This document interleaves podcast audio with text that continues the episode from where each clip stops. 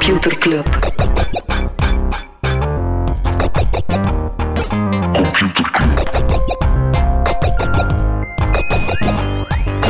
Computer Club. Hey Toon. Hey Freddy. Hey Sebastiaan. Hey Freddy. Welkom, eindelijk welkom in Computerclub, een wekelijkse podcast over technologie. Normaal selecteren Smolly en ik elke week een interessant artikel en presenteren weer feitje, maar nu dat Smolly op huwelijksreis is, ja, moet er iemand op mij babysitten. Nou, wie beter dan onze amigo's, Toon en Sebastiaan, ja, vrienden, welkom voor de micro. Dank u Freddy, dank u. Merci. Ja, normaal moeten jullie de geluidsgolven eh, opkuisen Mhm. en nu Mhm. ja, zelf produceren. Hoe, hoe voelt dat? Awkward, een beetje. Ik voel mij als een vis in het water. Ja. Ja, Sebastiaan van den Branden natuurlijk niet de eerste keer dat je voor de micro, voor de micro staat. Maar boa, kijk, 200, eh, 245 weken in Computerclub en eindelijk, ehm, eindelijk is het zover. Hè. Het is ook wel een mooi eh, getal. Hè. Ja. Ja. 250 had zo extra symbolisch geweest om jullie dan even zo een keer uit jullie donkerkot te halen. ook eens op het podium te zetten. Maar kijk, vier weken voor die verjaardag. Het is, eh, Ja, kijk, als Molly zijn huwelijksreis ja, plant dat volledig voor zijn, zijn eigen planning. Ja. Zo, is hij, zo is hij wel.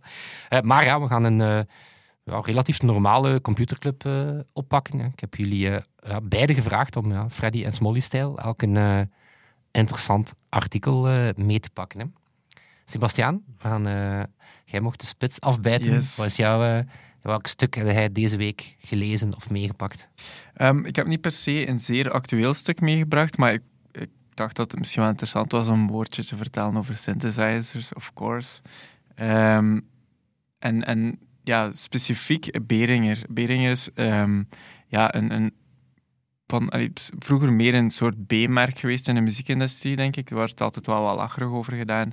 Niet echt per se... eh, toon niet echt per se de bakermat van kwalitatieve nee, klopt. Zo de, ja, zo de, de goedkopere oplossing. De voor, Aldi eh, Medion. ja. eh, Ja, ze hadden ja. van alles ook Van wel een synth. gitaarpedaalken en ze hadden van alles wel een oplossing, maar het was, ja, het was, het was meer op stu student eh, budget.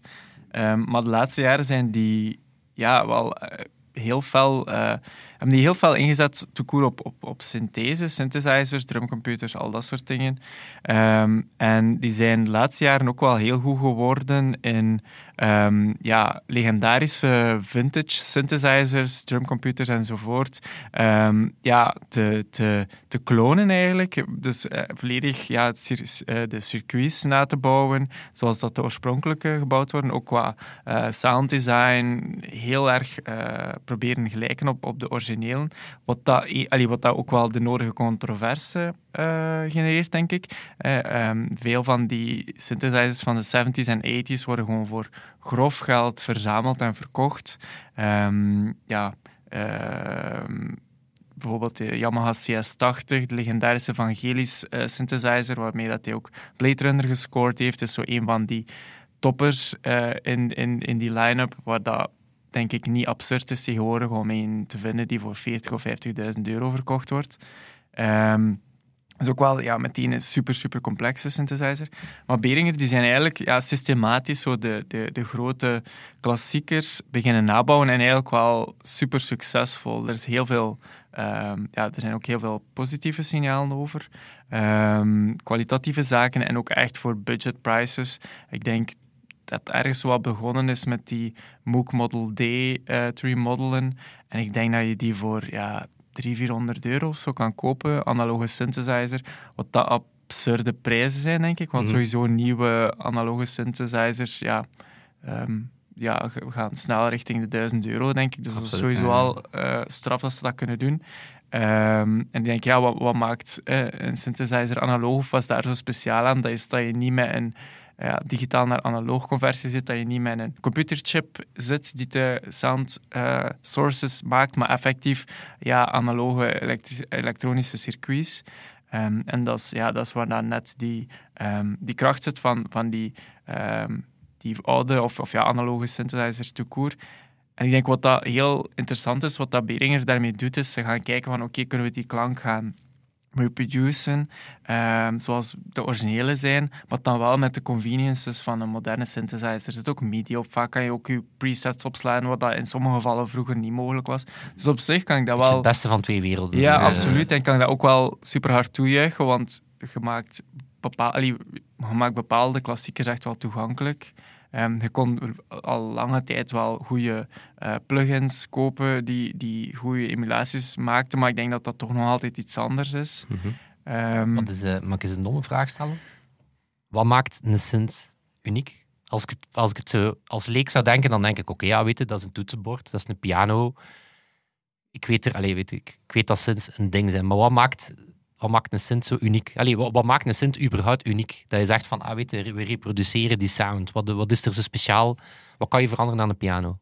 Ah, Het, het, het ding, zeker bij synthesizers en zeker uit de, de synthesizers uit de jaren, uit de jaren 70 en 80 en zo, ehm, gelijk dat Sebastiaan zegt, eh, eigenlijk die zijn gedesigned met volledig elektronische signalen en heel veel van die mensen die daar diep in gaan, is eigenlijk een soort kunst om bepaalde circuits samen te stellen die bepaalde geluidsvormen genereren. En bijvoorbeeld, dat zijn allemaal oscillatoren die daarin zitten, eh, die eigenlijk die, die de vorm of uw, uw geluidsgolf maken.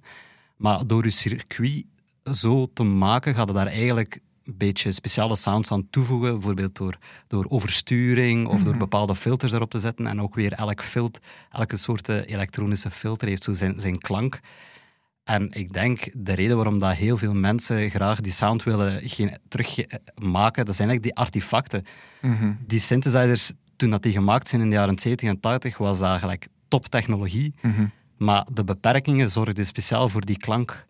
En ondertussen zijn er al betere circuits. Eigenlijk alles kan nu tegenwoordig. Alles want- kan nu, maar het is die, die sounds en die artefacten waar dan mensen terug Ja. achter op zoek gaan. Eigenlijk. Eh, Ja, nee, het is waar. De- ik denk met die, ey, er zijn super, super coole di- digital synths ook, die ook dan hun eigen karakteristieken hebben of functionaliteiten hebben. Maar inderdaad, zo, ehm, ja, bij, bij veel moderne synths heb je vaak wel zo knoppen om zo die, on- die onvoorspelbaarheid te introduceren. Zo de, je hebt wel zo, eh, ja, meestal de analoge synthesizers zijn voltage controlled oscillators, dus je gaat een voltage in die chip sturen om een bepaalde toonhoogte te krijgen. Daar zit wat, wat, ja, wat sloppiness in. Dat, zit, allee, dat gaat niet altijd exact naar die, de juiste noot direct gaan. Dat gaat een beetje eh, een wobble in zitten en zo. En ja, natuurlijk, de huidige circuits zijn gewoon veel kwalitatiever dan vroeger. Maar het is net die, die klanken dat, dat, dat dan denk ik meer, ehm, ja, denk in onze algemene eh, nostalgia, craziness, eh, dat dat ook gewoon is wat dat je naar op zoek gaat. Is dat dan een beetje de vergelijking dat je zo met analoge fotografie ook die artefacten had van Ja. bepaalde sepia-tinten, omdat dat gewoon niet anders kon? Dat was, dat was de camera, dat was het rolletje. Je kon er niks anders mee doen en dan digitaal kan alles. En dan zijn we eigenlijk zo'n beetje teruggegaan naar Instagram-filters om zo Ja, klopt. die hè. nostalgie er artificieel op te leggen. Ja. Maar eigenlijk zegt Beringer nu van nee, we gaan echt gewoon die oldschool dat is waar. En maar- sound. Ik denk, hey, zo objectief kan je zeggen, van een digitale camera is, is beter dan een analoge film. Maar langs de andere kant bezit of film wel karakteristieken die je niet kunt nabootsen met digitale, of moeilijker kan nabootsen met digitale fotografie, zoals de dynamic range die dat heeft. Eh, Dat is gewoon iets eigen aan, aan, aan film. Ehm, dus ja, ik denk dat dat zeer vergelijkbaar is. Ehm, maar dan, eh, wat dat wel interessant is, is dat ze echt toegejuicht worden om die ja, legendarische sounds democratisch aan te bieden aan, aan, aan, aan de massa. Ehm, ja, slaat de, de, de zeg je dat, slinger vaak ook wel aan de andere kant uit, dat ze ook gewoon flagrante kopieën beginnen maken. En dat is zo wat vreemd, dat dat zo... Ook dat ze soms ook gewoon producten die op, nog op de markt zijn, Ah ja, bijvoorbeeld van van, ja, kan mij inbeelden. Want daar- daar had ik eventueel een vraag bij. Ik weet ook niet je het antwoord daar per se op weet, maar ik weet dat ze bijvoorbeeld zo een, een Roland eh, Trio 3 drummachine ook zo een, een goedkopere versie van hebben gemaakt. Ik vraag, Maar die kunnen, niet, die kunnen niet kopen toch nog, of wel? Die zijn toch al lang uit de markt ge... Ah, wel, ja, maar ik weet in ieder geval, soms komen ze wel in het vaarwater van andere producenten dat ik denk van, Ja, ja. mag, mag dit ik vind, dat wel? een Gelijk interessante, ik vind dat een interessante, tenzij dat ik het te simpel zie, maar kan een merk inderdaad zoiets patenteren? Kunnen inderdaad zeggen van, weet je, ik gebruik onderdelen en in de, man- in de keuze van mijn onderdelen en hoe dat ik ze ja. samenbreng, creëer ik een sound. Kunnen zoiets patenteren of mag iemand anders of de shelf ook zeggen van, ja, niks uit mij tegen om ook die, die specifieke configuratie van hardware te doen? Ja, dat het ook een beetje een grijze zone is, want ik denk vaak, va- qua klank kun je wel gelijk iets, iets chasen wat erop lijkt.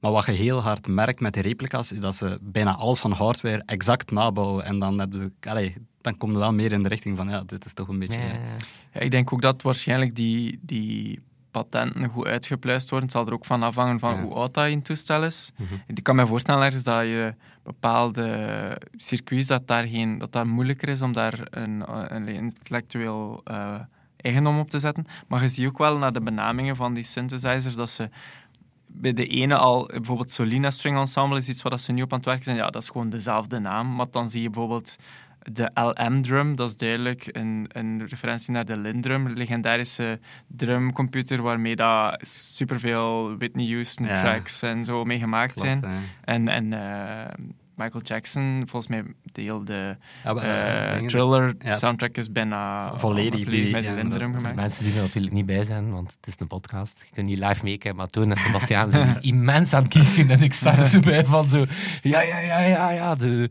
De Linde, Ja, Lindendrum. Lindendrum. Ja, ja, maar eigenlijk, wat, wat ik gewoon zo'n beetje jammer vind aan hen, is dan dat ze duidelijk hun strepen aan het verdienen zijn door dit te doen. Maar dan eh, brengen ze wel eigenlijk twee jaar geleden een Arturia... eh, Arturia heeft een aantal jaar geleden een superpopulaire ehm, MIDI-klaviertje uitgebracht dat je kunt gebruiken voor MIDI, maar ook voor ehm, modular synths. Daar zit ook eh, control voltage op. Super populair, dat is echt een beetje de standaard geworden in die scene. Ja, ze hebben dat gewoon flagrant gekopieerd. En dat is dan ook zo een beetje de vraag van waarom doet je dat? Dat is een product dat nog op de markt is. Dat ja, is moesten gewoon... ze enkel Ja, wel. de tributes Ja. doen naar oude, dan zou het nog kunnen zijn. Eigenlijk wel cool dat je, niet, dat je die nu ook Ja. op budget kunt kopen, maar het feit dat ze ook wel gewoon knock-offs maken van... Ja, maar ik denk dat andere producenten dat ook gelijk niet... Allee, denk dat die dat ook wel weten. Ik denk dat bijvoorbeeld een Yamaha en Roland, die zijn ook wel degelijk aan het inzetten terug om die vintage sound terug in hun eigen producten te krijgen. Ah, wel, het is Ehm. eigenlijk absurd dat je, dat je ziet dat, dat, de, allee, dat Yamaha en et cetera, dat die dan nooit gewoon gedacht hebben van laten we dat gewoon opnieuw op de markt brengen. Yamaha heeft wel zo van die boutique en Roland ook van die boutique eh, producten op de markt Mhm. gebracht, waar dat ze zo ergens kleinere, meer spe, allee, speelgoedachtige versies van het origineel gemaakt hebben, die nooit echt aangeslaan hebben, denk ik. Kijk, Van de CS80 heb je allemaal ja, ook zoiets kleiner gemaakt, maar dat is niet wat dat mensen willen. Je wilt gewoon dat origineel Ja, hebben. dingen, ja. Mhm. Het doet mij een beetje denken aan zo wat je met game-emulatoren Mhm. Zo die oldschool Nintendo games en al. Nintendo didn't care anymore, weet je. Dus had er dan een hele scene aan mensen die dan emulators maakten. en dan tot op zelfs niveau dat ze, dat ze nama Gameboys maakten, waar dat je dat allemaal kon zetten. En nu zijn al die gamebedrijven in die nostalgie-sfeer dat allemaal ook aan het heruitbrengen enzovoort. En plotseling gaan ze dan heel die emulating scene Ja.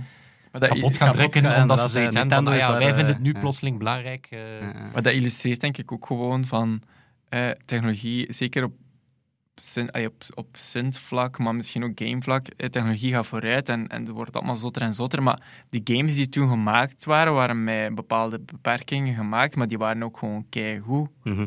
Dat is gewoon alleen een, een Yamaha CS80 die in de jaren 70 of 80 gemaakt is. Dat is gewoon, ja... Dat was pinnacle of, of sound design, I guess. En, een, eh, we zijn onlangs naar een concert gaan kijken met game muziek. Dat was in de Bozar, super cool. En wat dat zot was, was het was allemaal gespeeld door een eh, filharmonisch or- orkest, dus super rijk qua sound. Maar bij de, eh, de Zelda en eh, Super Mario tunes, je hoort dat die, dat die, dat die voor 8-bit gemaakt zijn. Ah ja, absoluut. Eh, dat artefact hoorde zelf al, al speelt dat orkest dat fantastisch na. Je hoort in die opbouw van dat muziek dat dat gewoon dat moest werken op een klein soundchipje Ja. met alle artefacten inderdaad Ja, van ik, die. ik heb daar ook gelijk ooit eens een artikel over gelezen, over zo de Ocarina of Time van de Nintendo 64 van Zelda.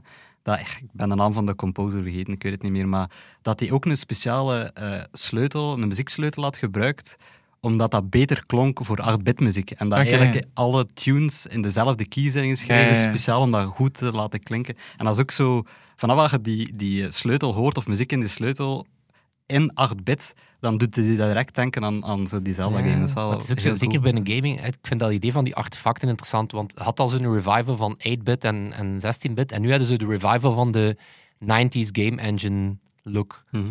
Terwijl dat dat, is- in moderne game engines gemaakt wordt, dus dat wordt dan inderdaad zo. Maar, ja, maar Alsof uiteindelijk, die, bijvoorbeeld een Super Nintendo of zo, daar zit gewoon een digital synthesizer chip in, waar je Mhm. gewoon muziek mee kunt maken. Dat is niet gewoon audio samples, dat zit gewoon een muziekinstrument in en daar werd er mee gecomponeerd. Dus Ja. kan mij wel, allee, dat geeft ook gewoon die een unieke sound dan, denk ik. Voordat we eruit gaan, wat zijn, de, wat zijn voor jullie de wat zijn iconic synth sounds in muziek? Goh.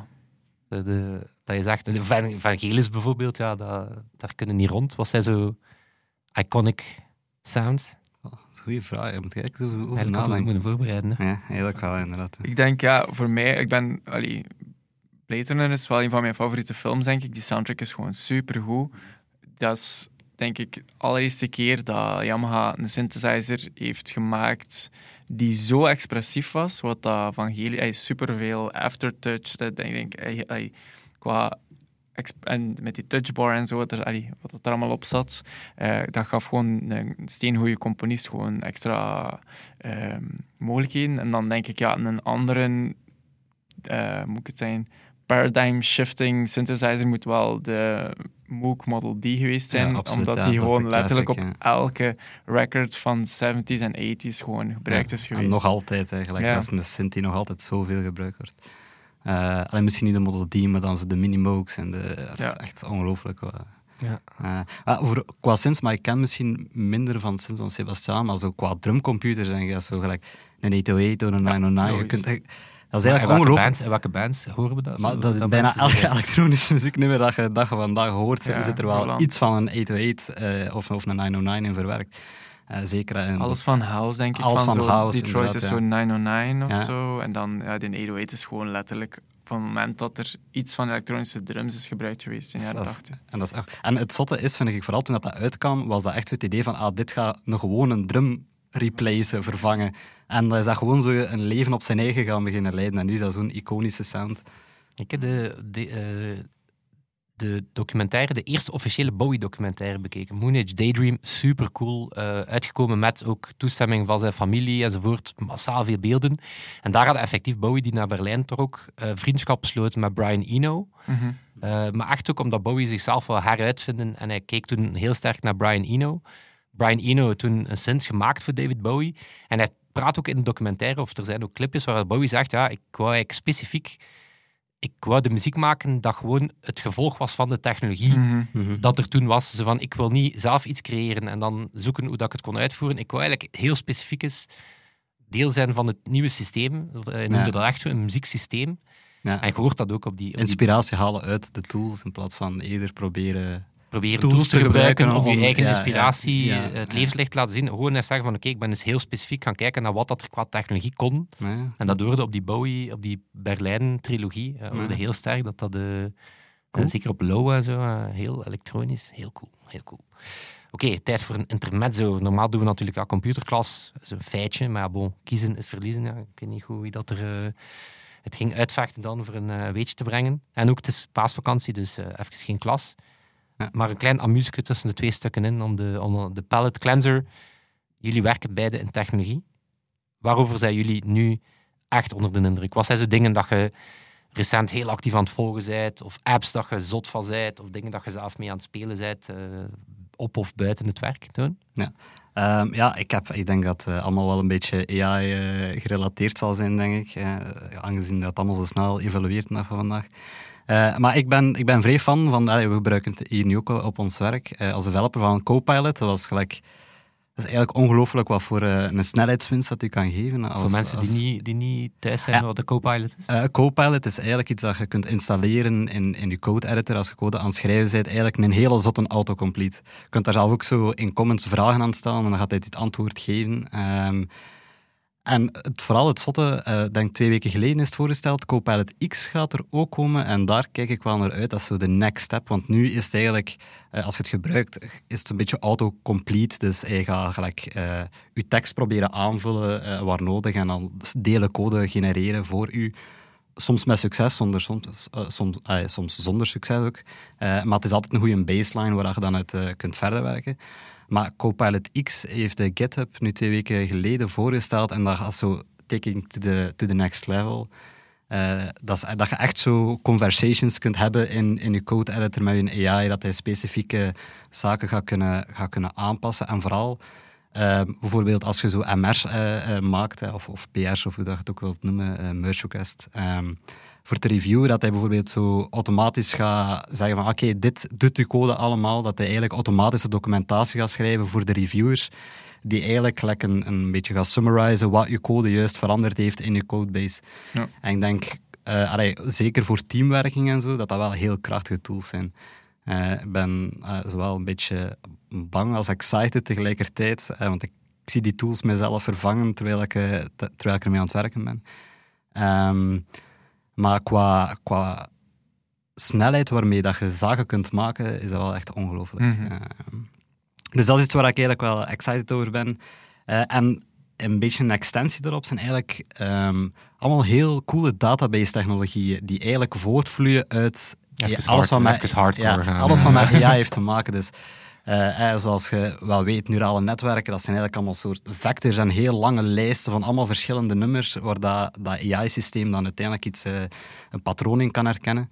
Ehm, en nu zijn er heel veel nieuwe database-technologieën, vector databases noemen ze dat dan, die er eigenlijk gaan voor zorgen dat je die grote datasets veel makkelijker kunt gaan queryen. Dus dat je eigenlijk een beetje lange termijn geheugen kunt geven aan AI-systemen. Of dat je eh, AI-systemen veel makkelijker custom data gaat kunnen geven of kunnen voeden. ehm, waardoor dat ze andere beslissingen, of dat je eigenlijk bepaalde generieke modellen veel specifieker kunt gaan trainen voor uw use case op te lossen. Ja. Eh, en je merkt, ik denk dat de laatste twee weken er heel veel VC-money is gesmeten naar open source projecten die eigenlijk nog maar een paar maanden bestaan, of het niet veel. Ik zag dat eh, dus VC-geld is serieus aan het opdrogen. Ja, dat is niet Ja. verwonderlijk, maar ehm een derde van alle VC-geld gaat nu naar AI-startups. Ja. Dat is de enige Ja. space dat nu nog... Echt aan, aan het boomen is, ja. Dus eh, ja, dat zijn, dat zijn wel zaken waar ik... eh, en ook ik, eh, iets wat ik gisteren heb opgemerkt, zo van die fully automated systemen, gelijk zo auto-GPT, ik weet niet je dat... Dat zijn eigenlijk zo self-prompting AI's. Dus je geeft die een paar zinnen van oké, dit wil ik verwezenlijken. En dan gaat die AI een output geven van ah, dit zijn de puntjes, hoe dat je dat kunt verwezenlijken. Maar dan gaat hij zijn eigen output terug in, als prompt voor zi- zichzelf gebruiken. En zo gaat hij zijn eigenlijk een beetje recursieve eh, functie gaan beginnen schrijven, dat hij met zijn output dat hij zelf geeft, zijn eigen terug gaat prompten. En zo kunnen echt van Dus die... eigenlijk zelf het prompting-stuk gaan we niet meer Ja, doen. Nee, het promptingstuk, Met ja, z'n allen inderdaad. VR in. Ja. En, eh, En er, er is ook ja. zo één, eh, één, ja, één, één iemand die er dan natuurlijk, ja, we zijn de mensheid, wat hadden we daarmee doen? Heeft iemand zo Cha- Chaos GTP gemaakt, wat eigenlijk zo gelijk van, oké, eh, geef mij de stappen om de wereld over te nemen. En dan gaat u een AI eigenlijk aan de slag van... eh, Ja, dat is like die dude op Twitter die ze zei, eh, die aan GPT vroeg, wat moet ik doen met mijn 100 dollar? ja, En dan alles deed. We gaan dat gewoon een keer doen met Chaos GPT. Ja, ja, en dan inderdaad, gezien eh, of dat we effectief inderdaad. ja. de derde wereldoorlog en, ooit gaat het dan werken, I guess. Ja. Begon hier in Computerclub, ja, tof. Kijk, van. Ja. Ja. ja, maar wel echt eh, ongelooflijke zaken. En de snelheid waarmee dat, dat evolueert is vooral... eh, En inderdaad, want je zegt, ja, uitkijken naar Copilot X, alsof dat we zo al jaren aan het wachten zijn, maar het is zo, aan dit tempo is zo, ja, elke paar maanden is er zo, ja, of elke week basically wel ergens een... eh, Ik denk dat dat nu echt, echt super... Nu is AI super krachtig als bijvoorbeeld developer tools. Ehm, ik ben op denk een paar maanden of jaren gaat iedereen die, die ze niet gebruiken echt een hele grote achterstand opbouwen, denk ik. Maar als je dan zo kijkt naar zo die andere zaken, eh, Jarvis is ook zo'n project van Microsoft dat ik heb gezien, dat eigenlijk eh, een language model gebruikt om dan andere AI-systemen van image generation te gaan beginnen prompten, eigenlijk als een soort controlemechanisme om alle andere AI's te beginnen besturen. Eh, als dat eigenlijk nog iets van de grond klinkt als het van de mensheid, inderdaad. eh, ja. ja, soms een beetje wel. kijk, eh, Maar ook wij eh, een beetje spelen is ondertussen. hè. Is dat passie dat jij ook deelt, Sebastiaan? Eh, ja, wel, ik zit in hetzelfde AI-realm, denk ik. Ik denk zo, ja, twee apps dat ik wel vaak gebruik als ehm, recente eh, garden aficionado is ehm, BirdNet. Recent Very- villa- villa-eigenaar. eh. Very geeky, maar ik vind dat leuk om te weten welke vogels dat er in mijn nof zitten.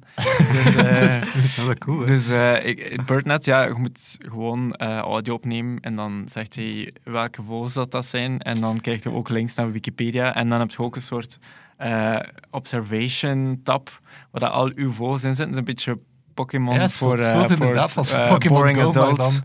Voor Ja, inderdaad, je kan ook 30-something zo'n peeps. beeld dat toont de wereld aan het redden is van al die super AI die dat toepak zijn en dat hij nu in tuin zit. Eh, dus dat, en dan ook, ja, ehm, om te weten of dat iets onkruid is of niet, gebruik ik Picture This. Dat is zo'n appje dat dan zegt welke plant dat is, dus ook wel chill. Ehm, maar dan meer eh, ook in het verlengde van wat dat Toon zei op vlak van generative AI. Ja, logisch. ChatGPT en de likes. eh, super ehm, interessant. Ook gewoon al eh, om strijk te liggen gedurende een dag, eh, denk ik, op het Ja, werk. dus we, hebben, we, hebben, we hebben op in de Pocket een ja, chat ITP, waar we eigenlijk een, een aangepaste versie van GPT is, zit onder Slack. Dat is super makkelijk voor inderdaad code Ja. dingen, eh, images, eh, tekst samenvatten. En alle efficiëntiewinst daarvan wordt teniet gedaan door Sebastiaan van der Branden. Die nieuwe, nieuwe levels van Ja. dad jokes. Yes. Ehm, de, de memage is, eh, is strong. Maar eh, ehm, ja, allee, professioneel gebruik ik het ook. Eh, bijvoorbeeld in research context denk ik dat ik het al het meeste gebruikt heb om ehm, eh, ja, research guides op te stellen. Eh, maar ook om eh, resumes te maken of om intro's te schrijven voor eh, een research rapport op basis van wat dat er gezegd is geweest. Ehm, allee, dat is denk ik nog, de workflow op zich is denk ik nog niet flawless, maar ja, ik vind dat wel qua inspirationeel een tool ongelooflijk Mhm. straf.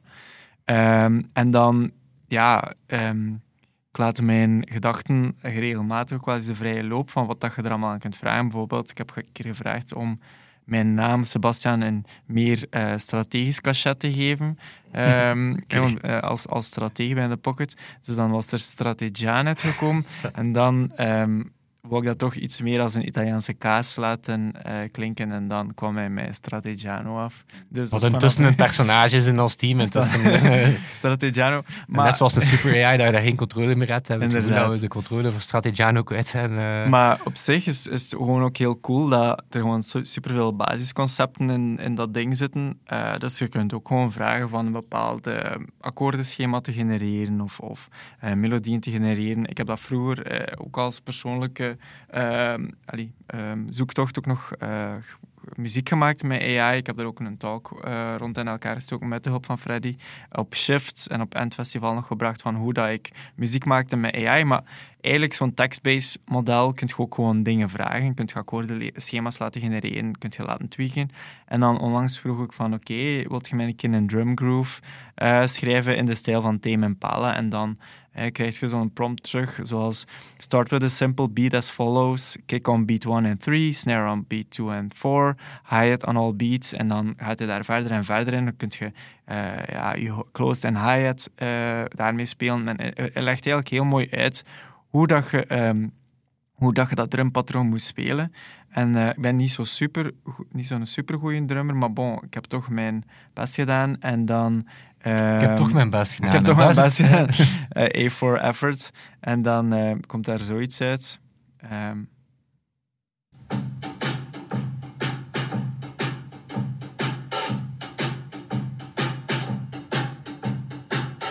Het is iets wat Strategiano niet kan. Ja, exact.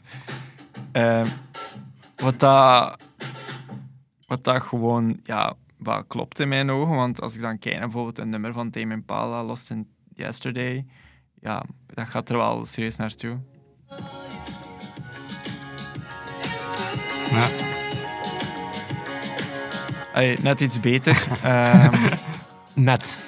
maar ja, dat is gewoon super cool. Allee, dat is. ehm, allee, ik vind dat super wijs om dat ook gewoon als inspirationeel tool te Ja. gebruiken. Ja, dat vind ik ook interessant. Ik denk dat op de eh, AI-meetup was hier een paar, wel, vorige maand denk ik, hier op In The Pocket, dat er ook een aantal talks waren dat inderdaad dat veel mensen AI gebruiken als inspiratiebron voor, voor hun eigen werk. Ook zo mensen die met illu- illustraties en zo bezig zijn. Dat is iets waar eh, ik in het begin nooit echt had over nagedacht. Dat, eh, de, zo, ja, een dat ik wel wijs vind, is zo de, het inderdaad, zoals dat Gunder ook zegt, het bekijken gewoon als een tool, zoals dat je in het verleden al andere tools had, maar dan nou, een heel zotte tool, maar waar dat inderdaad het creat- creatieve proces een beetje opschuift van niet meer starten met een leeg blad en dan dat het creatie zo is van oké, ik moet daar de eerste zinnen, of ik moet daar de eerste noten, of ik moet daar de eerste lijnen code op krijgen, maar zo meer van oké, geef me een keer mhm. en ik zal dat dan wat beginnen remixen en ik zal er dan wel... De... Ja. Maar dat is net zoals dat een visueel artiest, dat zat ook in uw talk. Hè. In de Mhm. tijd, dat zo, ja, een muzikant luistert ook naar alles wat, wat, wat, wat, wat ze opmerkt. En een visueel artiest Ja. loopt ook, ook, heel veel rond in musea. Hij gaat ook heel veel op, Ja, eh, en ik op vind- Instagram eh, ik vind dat ook dingen gewoon pinnen en zo. Het interessantste aspect, ik, vind, ik denk dat er heel snel zo gekeken wordt van oké, je wilt op een knop duwen en dan moet kunst uitkomen, wat dat ik persoonlijk een heel saaie eh, insteek vind van, van dat soort eh, technologieën. Maar eerder, ja, je kunt gewoon een conversatie daarmee voeren, vind ik gewoon super cool. dat je kunt bijsturen.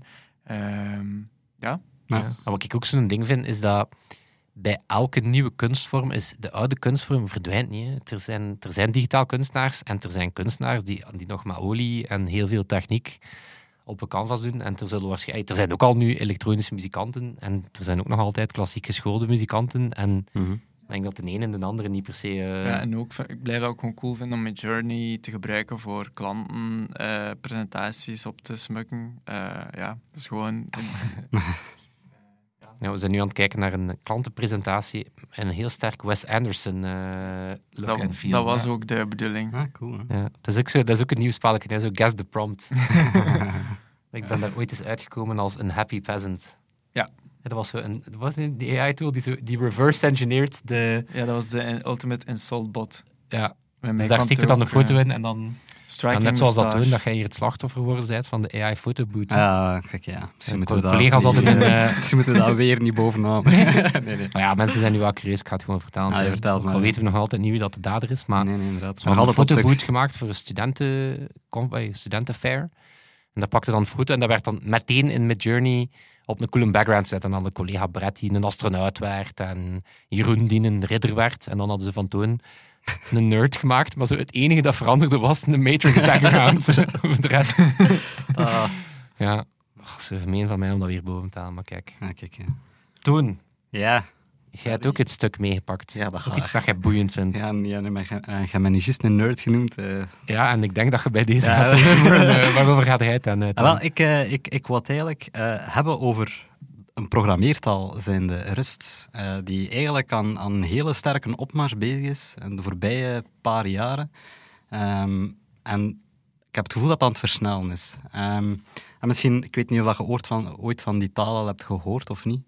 Ehm, Laat ons zeggen van niet. Oké, Laat ons zeggen dat er mensen zijn die luisteren. Wel, die- het komt eigenlijk ook uit een artikel. ehm, en het gaat een beetje over waarom dat rust zo populair aan het worden is. En welk probleem dat rust eh, net oplost.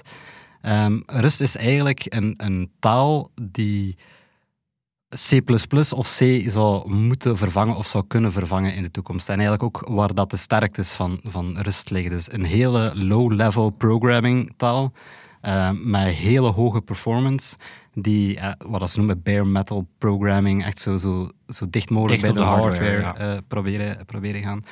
Ehm, en wat de kracht van rust is, is eigenlijk de manier hoe dat we of hoe dat programmeurs met memory omgaan en welk systeem dat ze daarvoor voor, voor hebben gebruikt. Ehm, want het grote probleem bij C en C++ is dat zijn heel krachtige programmeertalen, maar de programmeur krijgt daar heel veel verantwoordelijkheid over wat hij doet. great power comes great responsibility. Inderdaad. En dat gaat dan vooral over... memory errors. Ja, en over mem- memory management, inderdaad. Hè. Dus eh, in C moet een programmeur zeggen van oké, ik wil nu zoveel memory vrijhouden om daar een bepaalde waarde in te steken. En het is ook zijn verantwoordelijkheid als hij dan klaar is met die waarde om die memory terug op te kuisen. Eh, nu, een heel grote systemen en heel grote codebases, en zeker ook nu met parallel computing en concurrency, wordt dat vaak heel complex en dan worden daar makkelijk fouten tegen gemaakt. En Microsoft heeft daar ook ooit eens een onderzoek naar gedaan dat 70% van alle security issues eigenlijk te maken hebben met memory problemen. Gewoon, eh, want wat je kunt tegenkomen... Ja, ik ben inderdaad... Ik, intussen zullen mensen wel doorhebben dat Toon de Pauw die technologie uitlegt, vind ik super fascinerend. Oké. Zou echt een podcast moeten hebben. Zo, oké, hoe werkt een security issue door memory? Ah, wel, bijvoorbeeld een heel... eh, ik weet niet, Heartbleed, heb je, ik weet niet waar je dat nog kan herinneren. Dat is een, een groot security lek geweest in 2013, denk ik dat was. Dat was een heel populaire open source Eh, pakket of zo. Of- of- Ah, wel, dat, is, dat, dat, dat was een, een, eh, een vulnerability in OpenSSL. Dat is een bibliotheek die gebruikt wordt om encryptie en zo te doen. Eh, nu was het probleem daar, eh, en dat, dat is net het probleem van memory, is dat ehm, het probleem was dat je kon een bepaalde waarde opvragen of een server zeggen van oké, ja, eh, geef mij eens eh, dit woord van drie letters, geef mij eens nu eh, terug hoeveel ruimte dat dat inpakt. Ehm, Maar wat je ook kon doen is van, ah, dit woord van drie letters, uh, geef me eens nu de 500 uh, volgende, opeenvolgende memory locaties. En het was niet juist geschreven waardoor je eigenlijk memory kon uitlezen waar dat eventueel mogelijke um, ja, sensitive data in, in, in zat. Dus eigenlijk wat, wat, er wat het probleem daarmee is, is dat, dat werkt dan met pointers en dat gaat misschien nogal redelijk technisch. Uh, het probleem met memory management, als je, dat, als je memory niet juist opkuist, is dat je memory kunt uitlezen waar ondertussen al andere waarden in zitten die opgevuld zijn door het systeem. En als die waarden natuurlijk ja, gevoelige informatie bevatten, dan uh, kun je eigenlijk ja, security issues krijgen. Dus het gaat er eigenlijk over het feit dat um, je computerprogramma niet 100% weet wanneer dat je waarde is, moet opgekuist worden en wanneer dat er ondertussen al nieuwe data op datzelfde geheugenadres zit, uh, dat, dat je in de problemen kunt komen. Dus ik weet niet of dat ongeveer duidelijk is. Ik ben mee. Uh, nu, rust uh, is eigenlijk, lost dat probleem wel op op een, op een hele toffe en unieke manier. Dus hoe dat andere talen dat oplossen, zoals bijvoorbeeld een Java of uh, een C-Sharp of Golang bijvoorbeeld, die gebruiken iets wat ze noemen een garbage collector. En dat is eigenlijk een programmaatje dat in de achtergrond draait, die al die uw memory automatisch gaat opkuisen voor u. Dus dat zorgt ervoor dat een programmeur niet bezig moet zijn met al, die, al dat memory management. Dus dat, dat zorgt voor minder overhead en voor stabiele uh, pro, uh, programma's. Nu, het probleem is, dat systeem dat op de achtergrond aan het draaien is, dat heeft ook een performance impact. Want ja, je programma's moeten eigenlijk stilgelegd worden. Dat systeem gaat dan kijken van oké, wat moet hier allemaal opgeruimd worden? En als het allemaal opgeruimd is, kan je programma pas verder doen. Tuurlijk, dat gaat heel snel, maar dat is wel performance, dat is een performance hit. Um, en Rust heeft het eigenlijk op een andere manier opgelost. Um, Rust, wat Rust eigenlijk doet, is, heeft een systeem wat ze noemen borrowing en ownership. Dat wil zeggen dat elke uh, waarde in uw code uh, de eigenaar is van een bepaald memoryadres. En dat niemand anders in uw code dat memoryadres mag gebruiken, behalve die ene variabele, tenzij dat het heel specifiek uitleent aan een andere functie. En dat kan hij zelf niet gebruiken, want hij heeft het uitgeleend. En dan kan hij terug ownership nemen nadat hij het heeft uitgeleend. En er zijn eigenlijk een aantal regels die, waar je aan moet voldoen in Rust, om ervoor te zorgen dat je eigenlijk memory safe bent. En het toffe aan Rust is dat ze dat eigenlijk at compile time gaat doen. Dus uw compiler, hè, Rust, moet gecompileerd worden naar machinecode. Dan komt dus er terug een elegante uitleg. Compilen. Ja, compilen is eigenlijk uw, source code uh, door een bepaald ander programma runnen, zodat dat omgezet wordt naar machinecode. Dus echte instructies voor de computer zelf. Welke dan eentjes? Uh, ja, eigenlijk de echte instructies. En dat is de reden waarom dat we, hebben. we hebben verschillende architecturen, zoals x86 of AMD64 of ARM voor de nieuwe Macs bijvoorbeeld. Dat zijn allemaal andere architecturen. En dus die chips spreken met andere soorten instructies. Dus wat uw compiler gaat doen, is zeggen van oké, dit is uw Rust source code. Ik wil het nu voor een Mac compileren. Dus dan gaat hij allemaal ARM-instructies maken voor uw PC om te kunnen runnen. Dat is eigenlijk hetgeen wat uw compiler doet. En, en daar gaat hij dus die memory... Daar gaat hij al die regels afchecken. En Rust heeft een hele, hele strenge compiler. Dus, maar ook een hele goede. Die gaat u eigenlijk helpen om ervoor te zorgen van, ah, kijk, hier maakte een fout. Dit en dit moeten doen om die problemen op te lossen. En dat is de reden waarom dat Rust zo populair is geworden. Het is ook al zeven jaar aan een stuk. Uh, de, de most loved language volgens de Stack Overflow survey. Um, is dat, dat is een unanimiteit dat zeldzaam is, kan ik mij inbeelden. Ja, absoluut. Ja, want developers heel opinionated zijn over absoluut. talen. Absoluut. het feit dat er daar zeven jaar aan stuk ja, klopt. een patroon in zit. Ja, en ik denk dat dat eigenlijk de kracht is uh, van Rust. Um, dat ze heel hard hebben ingezet op developer, developer experience. Eh, want uh, historisch gezien zijn die low-level talen heel lastig om te programmeren en kunnen heel makkelijk fouten tegenmaken. En daarom zijn we eigenlijk altijd maar andere talen beginnen gebruiken om die overhead te vermijden. Zoals bijvoorbeeld eh, de typische de JavaScripts en, de Pythons. En de, eh, die zijn heel gemakkelijk om te schrijven, maar die komen ook allemaal wel met een bepaalde performance hit. Uh, soms is dat erg, soms is dat niet erg, maar voor echt low-level systemen uh, is dat belangrijk um, dat, dat, dat dat zo snel mogelijk werkt. Bijvoorbeeld uw operating... Een voorbeeldje van een low-level systeem? Uh, een kernel van uw operating systeem. Uh, en ik denk dat dat eigenlijk de populariteit van Rust nu echt in de verf heeft gezet. Uh, sinds eind december 2022, denk ik, is er nu echt een Rust systeem, een Rust component geschreven in de Linux kernel. Iets wat eigenlijk belangrijk, allee, dat is wel significant, omdat ja, historisch gezien is dat enkel C en C++ dat er in de Linux kernel zit. Uh, en Rust is er nu ook uh, bijgekomen, omdat ze dat meer wil adopten, om gelijk ja, stabielere en meer performance... Uh, dus de fakkel lijkt overgenomen door... Ja, en er zijn heel veel bedrijven die het dan beginnen gebruiken. zijn bijvoorbeeld AWS is nu ook, AWS hun stack. Um, cloud, de cloud-dienst ja, van Amazon, ja. De cloud-dienst van Amazon.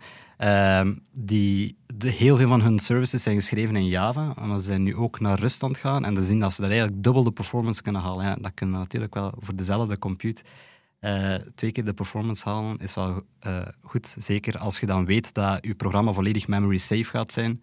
En dat dus je ook geen security risico's. Ook geen security risico's. ook in de embedded wereld, gelijk bijvoorbeeld de microcontrollers en, en bijvoorbeeld medische apparatuur. Dat zijn ook zaken waar je liever niet hebt dat er memory problemen in die chip zitten. Um, daar wordt ook uh, een grote adoptie van Rust gebruikt. Um, dus ik denk dat het echt een, een, een, een mooie toekomst heeft. Van waar komt Rust? Ah, wel, Rust, is, uh, Rust de, de, naam zelf komt van uh, een schimmel. Dat wist ik zelf ook niet, maar je hebt blijkbaar uh, een klasse in de schimmels en dat noemt roes, roesten in het Nederlands, of, of or, rust in het, in het Engels. en de, de, reden waarom dat de, de, de, maker dat zo heeft genoemd, omdat hij zei van those fungi are optimized for survival. Dus omdat eigenlijk, dus het idee achter rust is dat dat super... Uh, Self-sustaining is eigenlijk. Ja, en dat heel stabiel is. Dat, dat je als je een microcontroller programmeert in rust, dat je die tien jaar kunt laten um, draaien zonder dat daar iets mee gebeurt. Voilà, Sebastiaan, de, de man van de bladen en de tuinen, is hier tussen de rust uh, schimmel aan het opzoeken. Ja. Ah, dus dat is effectief daardoor dat bladeren, dat bladeren roesten. Ja. Toch, damn. Ja. Wat een podcast is dit dan? Ja, hè? dat is toch zo, Zo'n klein extraatje. Dat zo, weten de, we hebben waarschijnlijk ooit al geplukt waarom dat JavaScript JavaScript noemt, of wat ik niet wist. Omdat dat de populariteit mee moest surfen van Java dat gewoon. niks te maken met Java, maar dat is gewoon zo, ah ja, weet je, Java is een groot ding. Is een groot ding, we dus we gaan het JavaScript noemen, inderdaad. Um, sorry, wie heeft Rust gemaakt? Is dat gewoon uh, een persoon die gewoon op een gegeven moment zegt, weet je... Ja, de, de Graydon Hoare is zijn naam, en de reden waarom dat hij ermee begonnen is, is... Um, dat de lift in zijn appartement kapot was. En dat hij zoiets heeft van, dat was ook gekomen door een memory leak in het systeem van de lift. Dat hij dacht van, ja, dat kan toch niet zijn dat wij als programmeurs zo zelfs geen lift kunnen programmeren zonder memory-problemen daarin te introduceren. Uh, en dan is hij begonnen aan de taal. Het is wel interessant, en dat wist ik zelf ook niet in het artikel, dat heb ik geleerd, dat Rust eigenlijk ook eerst een garbage collector had. Maar dan heeft Mozilla dat overgenomen, want hij werkte voor Mozilla. En bijvoorbeeld de webbrowser van, van Mozilla, Firefox, is, heeft, is achter de schermen ook in rust geschreven. Uh, of herschreven zelfs. Ja, ze zijn er op een gegeven moment hard op gegaan. Ja, ze zijn er inderdaad. Ze begonnen als een hobbyprojectje van een van hun developers en dan hebben ze Klopt. beseft, ja, dit is eigenlijk... Uh... Ja, en eigenlijk vooral de executives bij Mozilla uh, waren er fan van, omdat webbrowsers zijn ook... Um, zeer prone to security, zeer prone to security issues in verband met memory problemen. En dat is de reden waarom ze er zo uh, hard zijn opgesprongen. En dan hebben zij eigenlijk de eerste tien jaar, denk ik, er een, man, uh, een team van twaalf man opgezet. En heel veel uh, researchers, computer researchers erop gezet. En die hebben dan eigenlijk met al die regels afgekomen die je kunt afdwingen in je compiler om je programma memory safe te maken at compile time en niet at runtime. Um, dus het was eerst garbage collected en dan hebben ze die er volledig uitgesmeten, die garbage collector. Om dan, uh... het, het voelt effectief als zo de slimste mensen die op een gegeven moment een keer een time-out gepakt hebben en waar de andere talen zo geleidelijk aan complexer en, ja. en, en, en het leuke... en bloated worden, is dit gewoon zo van nee, we gaan het goed doen. Ja, en ik, ik, wat ik eigenlijk heb bij, bij Rust, waar ik niet bij andere programmeertalen heb, is het feit dat dat precies een product op zich is. Gelijk, ze zetten het een beetje in de markt van... Ze, ze, ze zetten heel hard in op bijvoorbeeld community building, ze zetten heel hard in op developer experience. Dus de mensen die de programmeertaal gebruiken zijn zogezegd ja, de mensen die een bepaald product gebruiken. En ze zijn daar heel hard mee bezig om ja, dat zo gebruiksvriendelijk mogelijk te maken en de compiler zo vriendelijk mogelijk te maken. Het is ook een heel open community blijkbaar. Uh, gelijk als je statistisch bekijkt, zijn er heel veel uh, holibi en trans mensen die eraan meewerken. Heel uh, inclusieve heel inclusieve, ja. toxiciteit. En dat gaat zo ver tot als de compiler bijvoorbeeld heel vriendelijke boodschappen geven naar de gebruiker toe. Van, ah kijk, ja, nee, dit is fout. Ik denk dat dit het probleem is. Zou je dit niet... Je zou... Terwijl dat zo'n C++-compiler gewoon zo van alle rommel naar je schreeuwt, is dat... Ja. Dus, ja. Eh, Toon. dus fan en zeker iets eh, Ja. om in het oog te houden. Ja. Toon, Sebastiaan, denk ik, een episode die alleen maar door jullie kan gemaakt zijn. Hè? Ja. De coolste developer-taal ter wereld, coole synthesizers. Beetje geeken op generative AI. Ik denk dat eh, Ja. de Toon en Sebastiaan stempel er, erop staat. Hè? Elke week bedanken we onze amigo's Toon en Sebastiaan voor de helpen bij de mix. Maar ik denk dat we jullie ook nu mogen bedanken voor de komst naar de studio. Eh, wat vonden we ervan? Super tof. ja, plezant. Ja, aan dit tempo zullen we een eh, aflevering eh 492 eh, ja, zien, we jullie terug. eh, Top, top. of misschien sneller. Of misschien is het op een meetup als we binnenkort samenkomen. eh. Voilà, maar kijk, de mensen hebben dus bij deze ook eens de, de stem achter de namen eh, gehoord. En eh, wat voor een interessante dudes dat jullie zijn. Voilà, en dat zal het zijn. Tot volgende week. Yo. Bye. Computer Club. Computer Club.